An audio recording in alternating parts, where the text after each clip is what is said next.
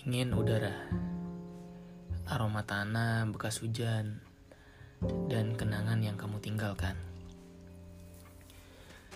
Selepas kamu memutuskan untuk pergi, aku benar-benar terpuruk. Aku merasa semestaku runtuh, dan aku tidak mampu membangunnya kembali.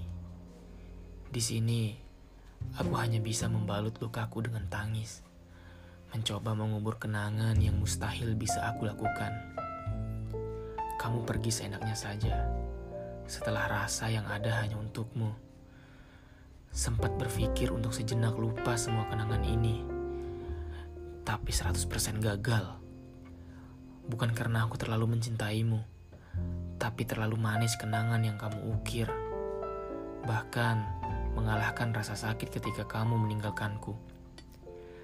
Ketika terbangun di tengah malam, aku selalu bertanya, "Kenapa tidak kamu bawa saja kenangan ini? Kenapa kamu pergi dengan tangan kosong tetapi meninggalkan bercak luka pada hatiku?"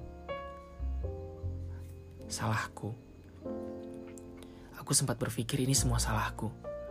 Salahku yang mungkin terlalu mencintaimu. Entahlah, aku bingung dibuatnya. Izinkan aku membencimu untuk kali ini. Bukan karena aku benar-benar benci. Biarlah kepura-puraanku menjadi penang sementara. Demi rintik yang masih saja mengusik, rasa cinta untukmu benar-benar masih ada. Kemarin, Melihatmu tertawa bersama lelaki lain membuatku semakin hancur. Kenapa bukan aku? Kenapa harus dia? Salahku apa? Terlalu mencintaimu? Atau kamu yang tidak mencintaiku? Aku yang bodoh atau kamu yang jahat? Baiklah. Aku benci diriku. Aku benci kamu. Aku membenci semuanya. Dan berhasil.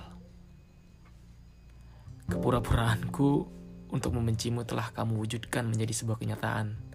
Ya, aku membencimu kali ini. Terima kasih telah mengukir rasa lalu menitipkan luka. Terima kasih untuk kenangan manis hingga membuat hati meringis. Beban rasa, dan kenangan yang kamu titipkan adalah beban. Maaf jika aku membentak dalam hati, karena aku tahu aku membencimu hanya dari kejauhan.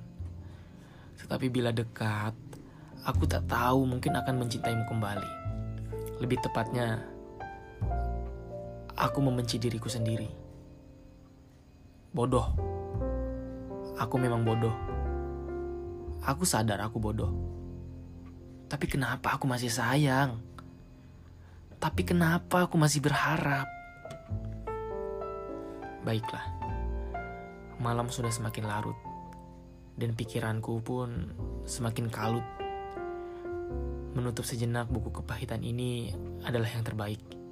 Besok mari lanjutkan dengan cerita yang baru dan berharap aku juga bisa memulai dengan orang baru seperti kamu yang telah memilihnya, aku juga akan memilih dia.